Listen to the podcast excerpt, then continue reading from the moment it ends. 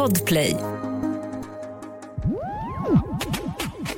Vi är live, vi är tillbaka i studion allihopa efter vår långvariga USA-vistelse. Vi har laddat upp med toppavsnitt. Klara Doktorov eh, tar fram patriarkat-tummen igen. Messiah har sett upprörande scener i årets Robinson. Och John har lyssnat på ny fräsch musik. Dessutom i studion Andreas Jonsson.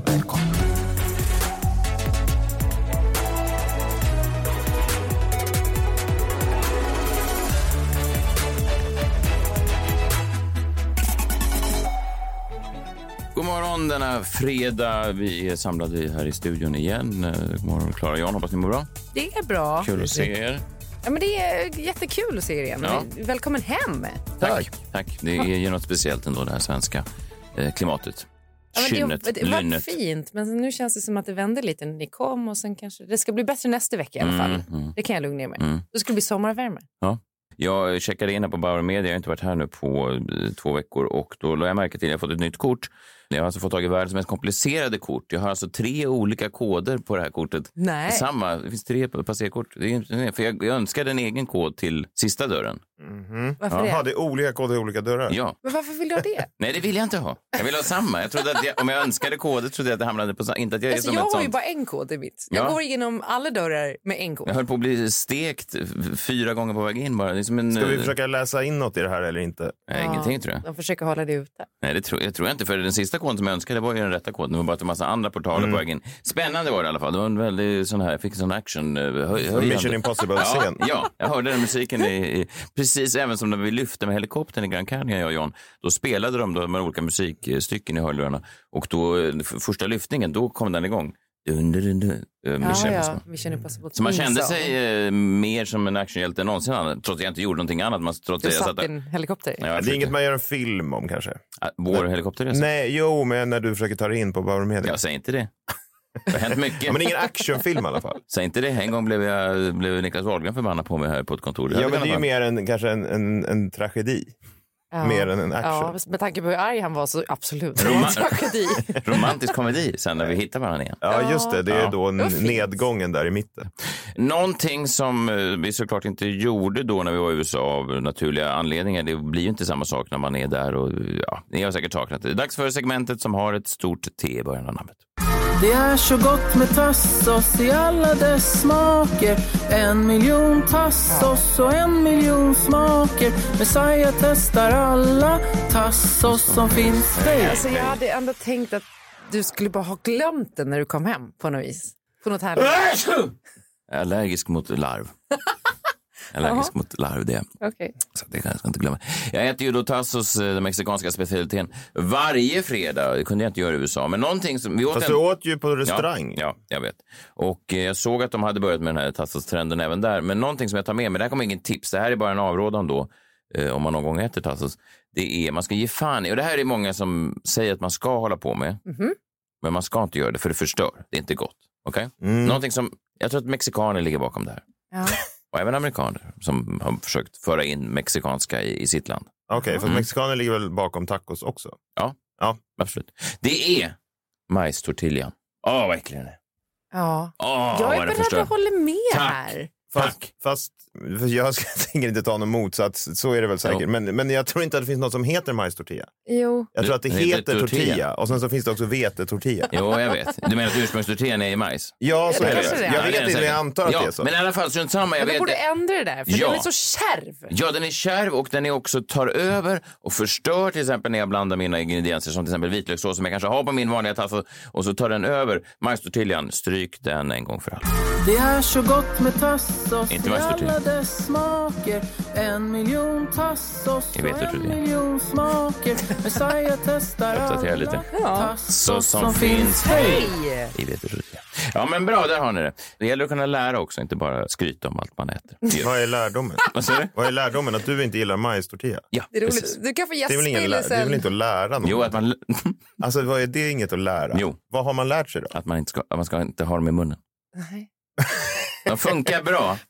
Ja, du eh, tycker här, det. ja. De funkar bra. Det här var faktiskt, nu citerar jag en mexikansk vän till mig, Don Pedro. Han sa att de funkar bra som dasspapper.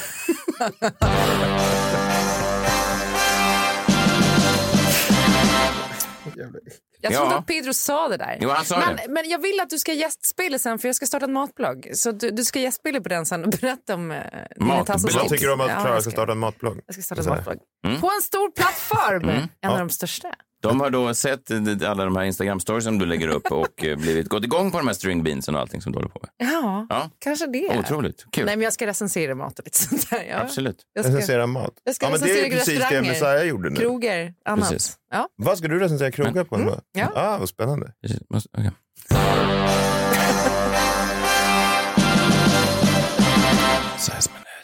Otroligt. Eh, Då var vi igång med det hyllade segmentet. Jag eh, tänkte prata om det här. Det här var väl någon vecka sedan i Robinson. Jag vet inte om ni ser Robinson. Jag pratade ju om det för ett tag sedan. Då var det ju en, de har ju delat upp det i år. Det är gammal mot ung. Lag död mot Ja. lag framtid.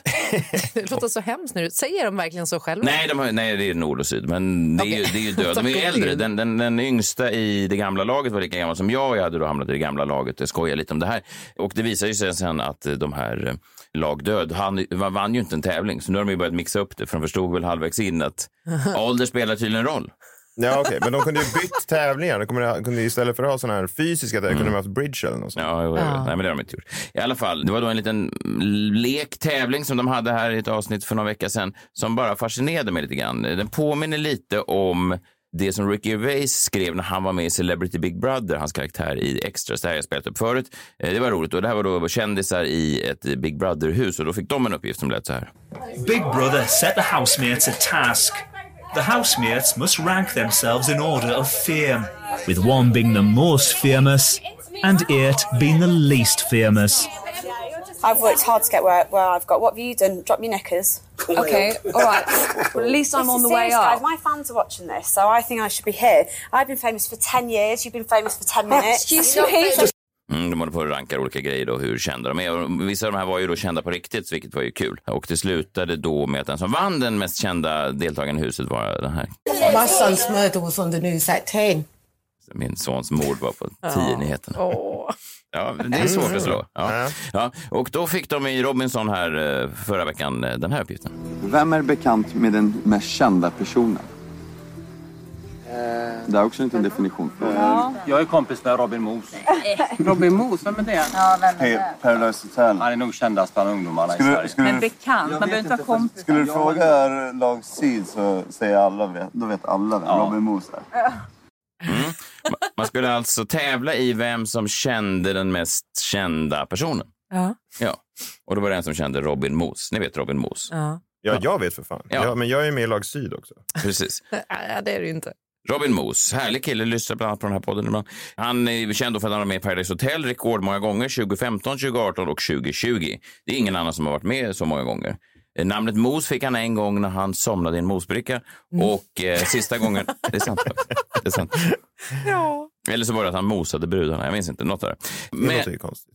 Ja, något det var det. Och sista gången han var med då 2020 så var han ju då en klassisk, eh, ja, han angav en klassisk anledning varför han var, hade lite, han var tvungen att vinna. Han lämnade ju då sin gravida flickvän hemma för att vara med i Paradise Hotel. Hon sa att hon ville att jag skulle unna mig det här. Ja, hon ju- ville det? Ja. Ja, ja, men då så. Ja. Döma inte det. Nej, så Robin Moos bra kandidat. Är det någon annan då i lag död som har någon annan som de känner? Lista. med Mats Wilander. det tycker jag vinner. Va? det tycker, tycker jag vinner. Mats Wilander. Det är bara att Robin Moos är kändast. Mats, Mats Wilander. borde ju vara... Mm, Mats Wilander. kan man tycka. Skulle toppa Robin Moos. Ja. Möjligtvis. Före detta världsetta i tennis. Eh, han vann då sju Grand Slams från 82 till 88. Eh, och han är en av sex tillsammans med Jimmy Connors, Agassi, Nadal, Federer och Djokovic. Någon som har vunnit då Grand Slams på både gräs, grus och eh, hardcourt. En klassisk idrottsman. Ja, han skrev ju också dikter som han läste upp i... Inte lika känd för det. Ju. ja. Men det är en ganska fin skara. Jag menar, han är då till samma klubb som de här tre främsta spelarna genom alla tider. Ja, Svårt att slå. Borde slå Robin Moos, tycker man kanske? tre mot tre. Ja, vad då? Men tre för Mats Wilander och tre för Mos. Hörde du det bara på rösterna? Nej, men Robin Mos hade ju varit på i Paradise Hotel tre gånger. Just det, men Mats Wilander har ju vunnit sju Grand Slams. Ja, men det var på tre olika underlag. Ja, jo, jo visst. Du Men det hittar är på ändå... helt egna regler Ja, det här är en lek som du tävlar i själv, tre mot tre. Så räknar man. Tre Paradise Hotel och tre underlag. Man kan hitta vad som helst som Ja, bara är tre. inte? Ja, i alla fall till slut så kom facit av vem som var mest känd. Han är inte det längre. Mina söner vet inte vem Mats Wilander är. Man ska nog ta nutid. Ja, då är det Moos. Ja, då är det Mos. Men kommer det fram liksom i tv, vårt gäng, liksom, den, den liksom kändaste vi hade som vi var bekant med, att det var Moose. Då kommer jag känna, då kommer alla som känner mig, bara, what the fuck Camilla liksom. Robin Moos vet eh, idag alla fram till 40 år vem han är. Det är klart de känner igen han, det är jag helt övertygad till. Helt överlägset Robin Moos. Jag vet inte vad det säger om någonting. Och de, möjligtvis att de anpassar sig då lite till vad de trodde att ungdomarna kände till. Vilket är väl fair om det då är en tävling att det ska gå ut på att det andra laget ska känna till dem. Men jag tror hon Camilla också hör ju hon uttalade, hon sa ju moose. Jo. Alltså jag tror att hon tänker att det är någon som har smeknamnet och älg. Jo, fast det är inte bättre än smeknamnet potatismos. nej, nej, men Nej. det visar ju verkligen att hon inte vet vem det är. Nej, nej, nej, visserligen. Men jag menar bara, det, vi säger det någonting om kändisskapet och hur förgängligt det är. Att du kan vinna sju Grand Slams i tennis. Du kan vara liksom bäst i världen på det du gör. Men 20-25 år senare, 30 år senare, så vet folk inte vem du är kanske då i den yngre generationen. Då blir du slagen av en kille som har fått sitt namn antagligen för att han har somnat i en mosbricka eller för att han mosar kvinnorna. Och alla på jorden är överens om det. Att det är liksom inte rimligt att komma dragandes med namnet Mats Wilander när någon annan i laget känner Robin Mos Andersson. Jag vet inte vad det säger, men det säger någonting om någonting. Det gör det. Ja, och det säger väl också lite grann varför du skulle vara med i lag Nord. Varför det? Jo, eftersom du tycker så här. Vad menar du? Tycker du inte, menar du att du är på mossidan? Jo, men jag är väl tyvärr också med i lag Nord då. Ja, Vi måste ju ha någon här från lag Syd som kan liksom tycka motsatsen. Vi är väl alla tre i lag Nord, tyvärr. Ja, men det, är väl, det är väl inte bara äh, åldersmässigt, det är väl också rimligt att tänka har man gjort någonting så ska man väl vara mer känd än någon som inte har gjort någonting. Jo, absolut. Men om du hade då varit, när du var med, ung och var med, skulle varit med i lag Syd Ja. och någon hade kommit släpande med en tennisspelare för 30 år sedan. Ja. Skulle du kunnat den då? Ja. Okej, men säg en tennisspelare från 50-talet då. Sveriges Rod bästa... Laver! Alltså, en svensk ska du väl vara? Svensk. Du ska, ju kunna, du ska ju kunna vara bekant med honom.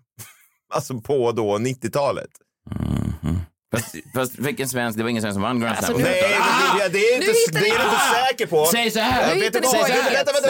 Nej, nej, Egna regler. Nej, Du vänta. hittar För om du hade regler. vetat att det inte var någon svensk som vunnit Grand Slam på 50-talet, då hade du sagt det direkt istället för att stå och fundera. Nej, för jag tänkte bara försöka vä- vä- vänja mig med dina regler. Jag hade kunnat säga att om någon hade sagt fotboll, om någon hade kommit dragen med, med kanske Gunnar Nordahl, då hade jag valt det framför dåtidens 70-talskille som kanske var någon i det är- Joey Tempest. Det är typ ingen som orkar bry sig. Jo, exempel. Han var för fan... Men det, nej, men du måste ju ta någon. Om jag, Förlåt, förlåt, förlåt. Är det så här det är på Illa Risar så då är jag till och med glad att jag aldrig blir medbjuden. Alltså, jag är jätteglad nu. Vad fan är Men du det måste här? ta någon typ... Stopp! Nej, men ta någon Stopp! typ... Okej. Stopp, vi går vidare. okej. Vad landar vi då? Eh, att E-Type Ja. var mer, är mer känd när du var ung än Gunnar Nordahl. Vad fan säger du? Herregud. Mer känd än Gunnar Nordahl. E-Type. En roadtrip mer. Fy fan. Herregud. Gunnar Nordahl hade jag röstat om folk, om folk hör, ser det här på tv och, och sen förstår att E-Type vinner det här, då skulle de bara Messiah, what the fuck? Medan du då går och måste- slag för Gunnar Nordahl. Okej, Nu måste ni verkligen lägga av. jag vill landar Ja. väl inte i Lägg någonting. av bara. Det bara lite kort. Tyst!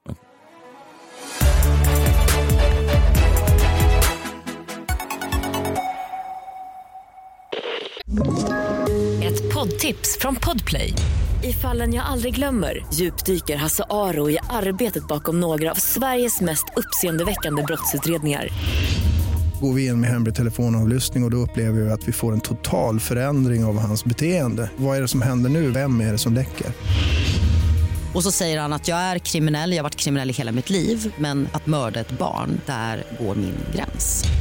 Nya säsongen av Fallen jag aldrig glömmer på Podplay.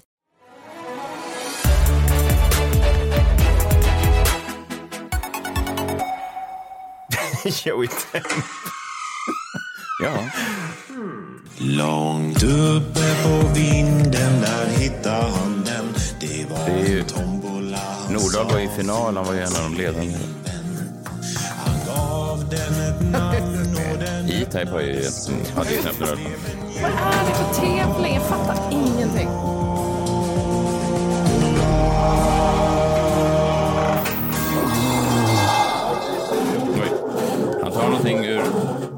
Jombolan och så. Kul att vara tillbaka i Mm. studion med, med Jombolan. Ja, verkligen. verkligen. Vad, vad, vad, vad drog du för lapp idag? Vem dräper draken? Frågetecken. Vem dräper draken? Det vet inte jag. Är det draken som är med i Masked Singer? Mhm. Eh, Nej, den har var ju redan vunnit. Det var ju Johanna. Var det, ja, det var Johanna, ja. Ja. Just det. Ja, alltså jag vet inte om draken är mest känd den här veckan för Masked Singer. Jag tänker att den draken som är med i titeln av Bedårande Barns nya låt är mer känd. Bedårande barn. Det ringer, ringer ingen klocka Jo, på Bedårande barn. Band, Ja, det det? det är väl ändå New Music Friday idag och det innebär bland annat då att det släpps massa låtar, men framför allt då att det släpps eh, en ny singel från Bedårande barn, Jimmy Åkessons band. Oj. Partiledare i Sverige. Spännande. Den svåra andra skivan. tror att de har gjort fler skivor än så. Men det som är intressant med den här låten är att det här är den första låten som Jimmy Åkesson har skrivit både musik och text till. Gud vad jag blir nyfiken nu. Ja, ja, det är också det är fascinerande bara. Det är ju en hårdrocksgrupp. Han har haft den länge, varit med i den länge. Ehm, Det är väl liksom någon slags inspirerad av Ultima Thule kan man väl tänka sig då. Det låter ju likt eh, deras musik då stilmässigt. Bedårande barn består då av eh, Marcus Örn på sång, Jimmy Åkesson själv på keyboard, Affe på dragspel och Gabbe på kongas. Just det, Marcus Örn eh, tog ju över um, sånginsatserna i Noise. Va? Så kan det ha varit. Och hade inte Noise också en låt som hette Bedårande barn av sin tid? Den var Mm. döpt efter dem. Noise, hade, de, hade du tagit dem Nej, men- i Robinson? Ja. Nej, men, och den här låten har ju liksom, eh, ja, blivit, vad fan ska man säga, recenserad i media, vilket är, jag tänker att inte alla Bedårande barns låtar har blivit. Aftonbladet beskriver texten som konspiracistisk och jämför den då med Ultima Thules krypto-antisemitiska 1990-talshit Bästen. Eh, Expressen skriver att den varnar konspiratoriskt för dolda makthavare och manar sina undersåtar att sluta vara trälar och slå tillbaka mot eh, etablissemanget. Eh, vi kan väl lyssna lite hur låten Vem dräper draken låter. Vem dräper draken? Vem regisserar detta spel? Ja, och det här är ju hårdrock då. Jag lyssnar väldigt sällan på hårdrock. Lyssnar ni på det? Nej, men det är Nej, inte den här typen. ganska spännande frågor som ställs. ja. Man vet inte vad de har med varandra att göra heller. Nej. Än så länge vet man ingenting. Nej, men eh, liksom, jag lyssnar nästan aldrig på hårdrock, så jag vet väldigt lite om genren. Men på alla de här recensionerna om låten i media så framstår ju den här låten som jättehemsk. Konspiracistisk och eh, kryptoantisemitiska krypto-antisemitiska och konspiratorisk för dolda makter. Det, är liksom, det låter fruktansvärt och det är många som har gått ut och sågat den här och sagt att den är fruktansvärd. Men är den verkligen det? För jag har lyssnat på den och eh, ja, jag är inte lika säker. Så här är fem oväntade saker som jag har lärt mig om hårdrock efter att ha lyssnat på låten Vem dräper draken med bedårande barn. Hårdrock talar direkt till mig.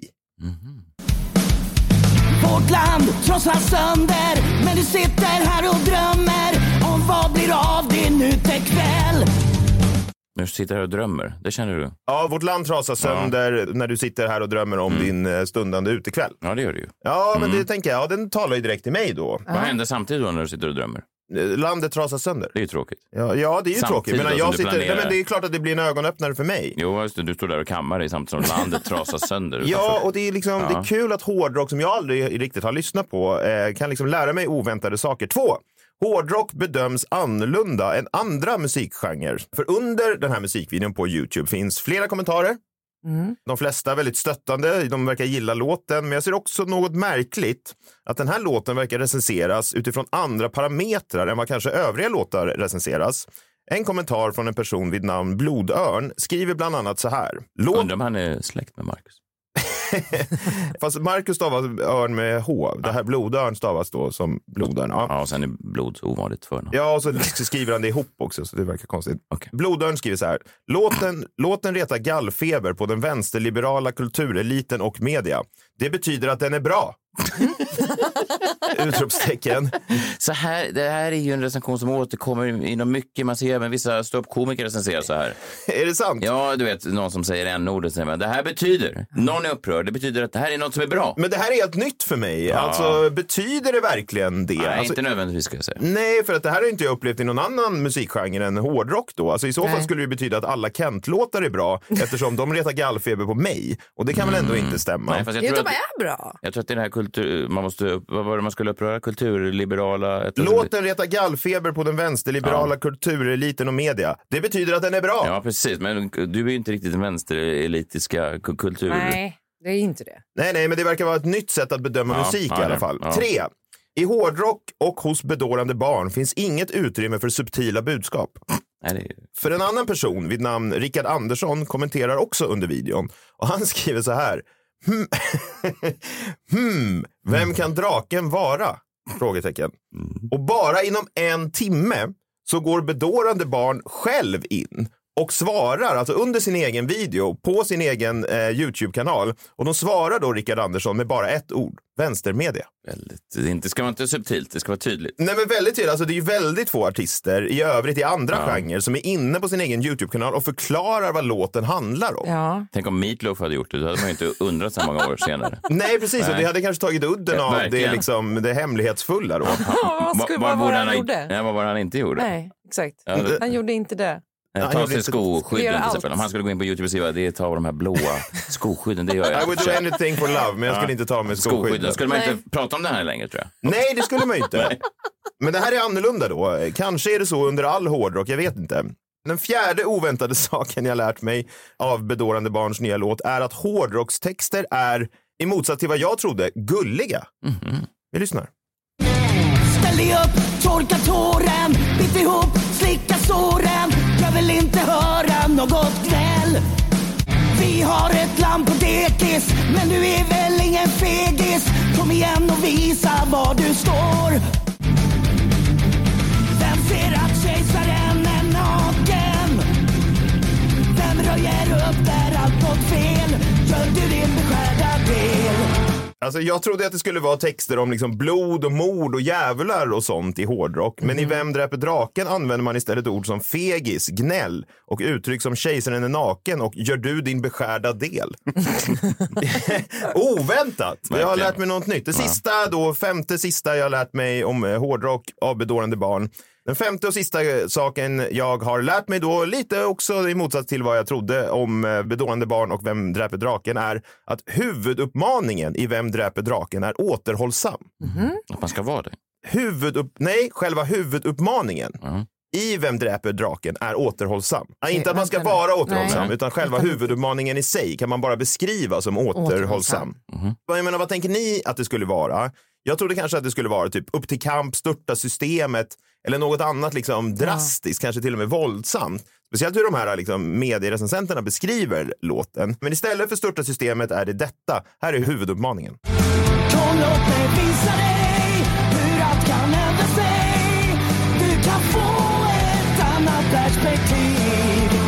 Annat perspektiv. Det var inget modiskt om att störta systemet. Det var en text om att jag som lyssnare kan få ett annat perspektiv. Ja, det kan man ändå uppskatta. Alltså är det det som den här vänsterliberala medien tycker är så hemskt? Samma tagline som tidningen Kvartal. Har de fått det därifrån kanske? Jag vet inte. Jo, men kvartal trodde jag ju aldrig skulle ha liksom en mordisk upp- huvuduppmaning. Nej. Men Nej. det trodde jag ju ändå att Ja, bedående barn skulle ha. Ja, men ja. icke. Nej, jag bara ser kanske samarbeten framöver mellan Ja. de två. Ja, Verkligen. jag förstår bara inte vad som är så hemskt med den här låten. Kanske att det var så jävla dåligt. Att det är det.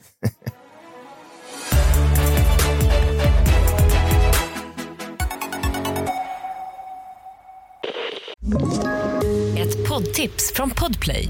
I fallen jag aldrig glömmer djupdyker Hasse Aro i arbetet bakom några av Sveriges mest uppseendeväckande brottsutredningar. Går vi in med hemlig telefonavlyssning och, och då upplever vi att vi får en total förändring av hans beteende. Vad är det som händer nu? Vem är det som läcker? Och så säger han att jag är kriminell, jag har varit kriminell i hela mitt liv men att mörda ett barn, där går min gräns. Nya säsongen av Fallen jag aldrig glömmer på Podplay.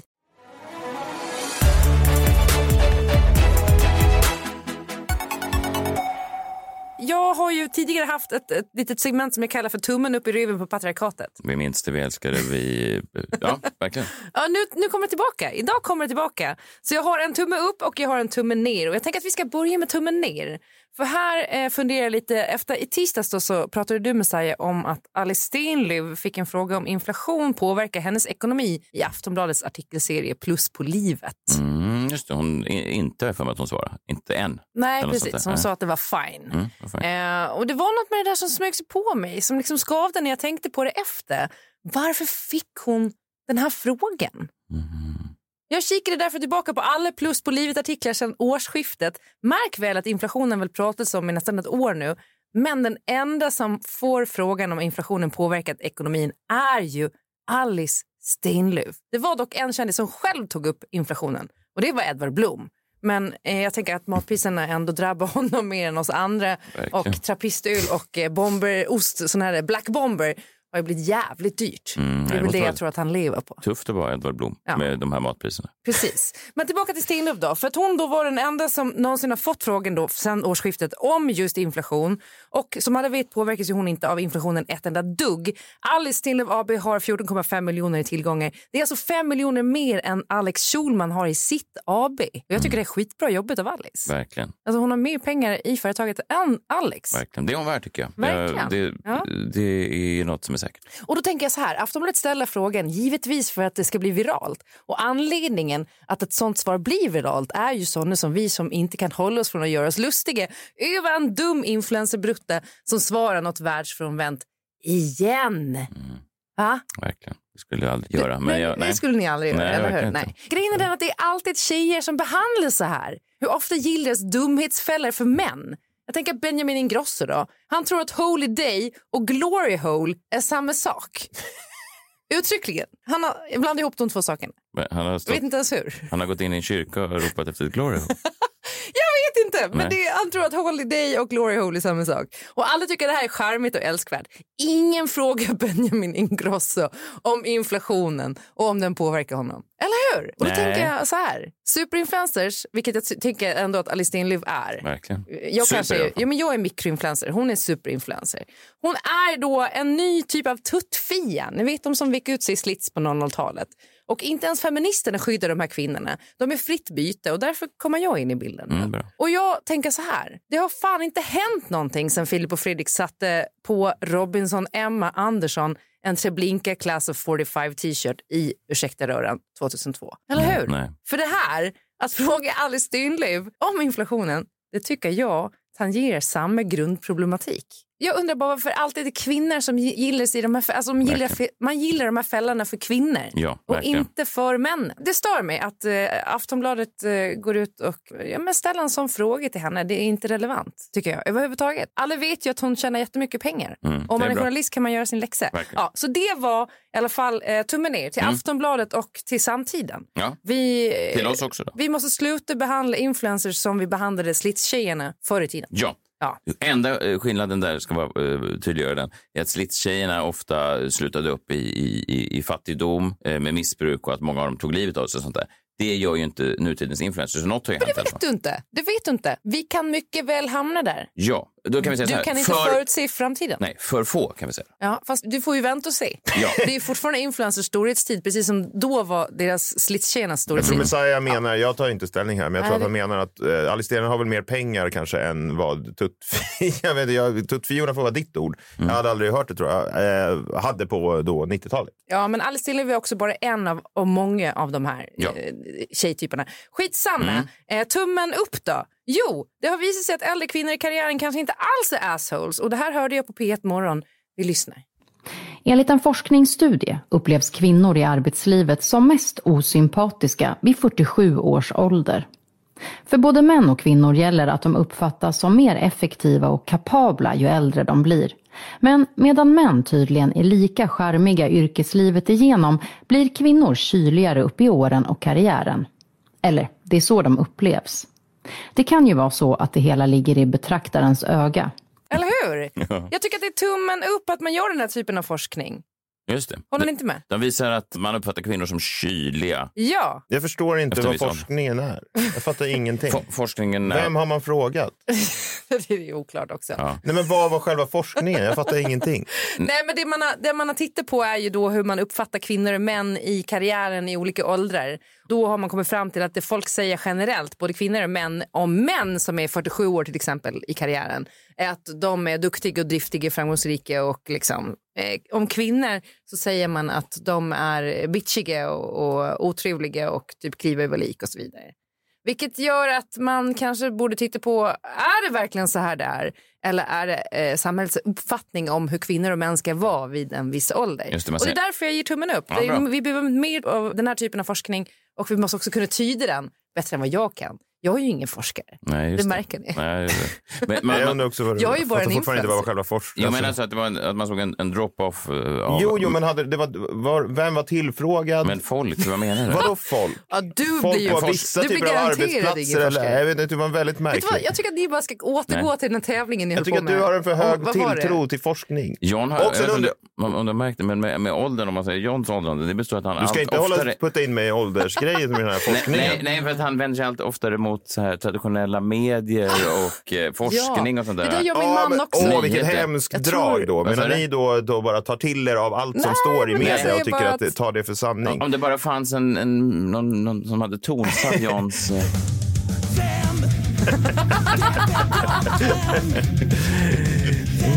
Ser dessa spel.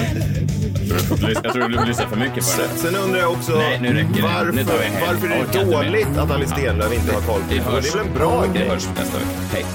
Friday, Friday, gotta get down on Friday. Everybody's looking forward to the weekend. Friday, Friday, gotta get down on Friday. Everybody's looking forward to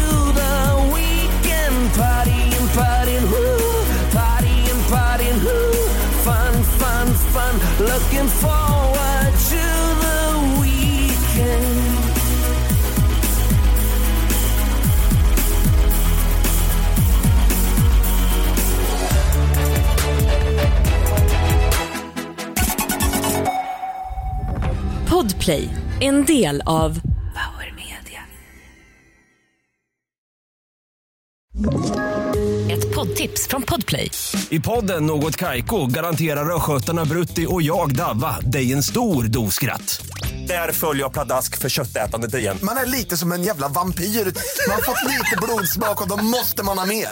Udda spaningar, fängslande anekdoter och en och annan arg rant. Jag måste ha mitt kaffe på morgonen för annars är jag ingen trevlig människa. Då är du ingen trevlig människa, punkt. Något Kaiko, hör du på Podplay. Därför är gardinerna.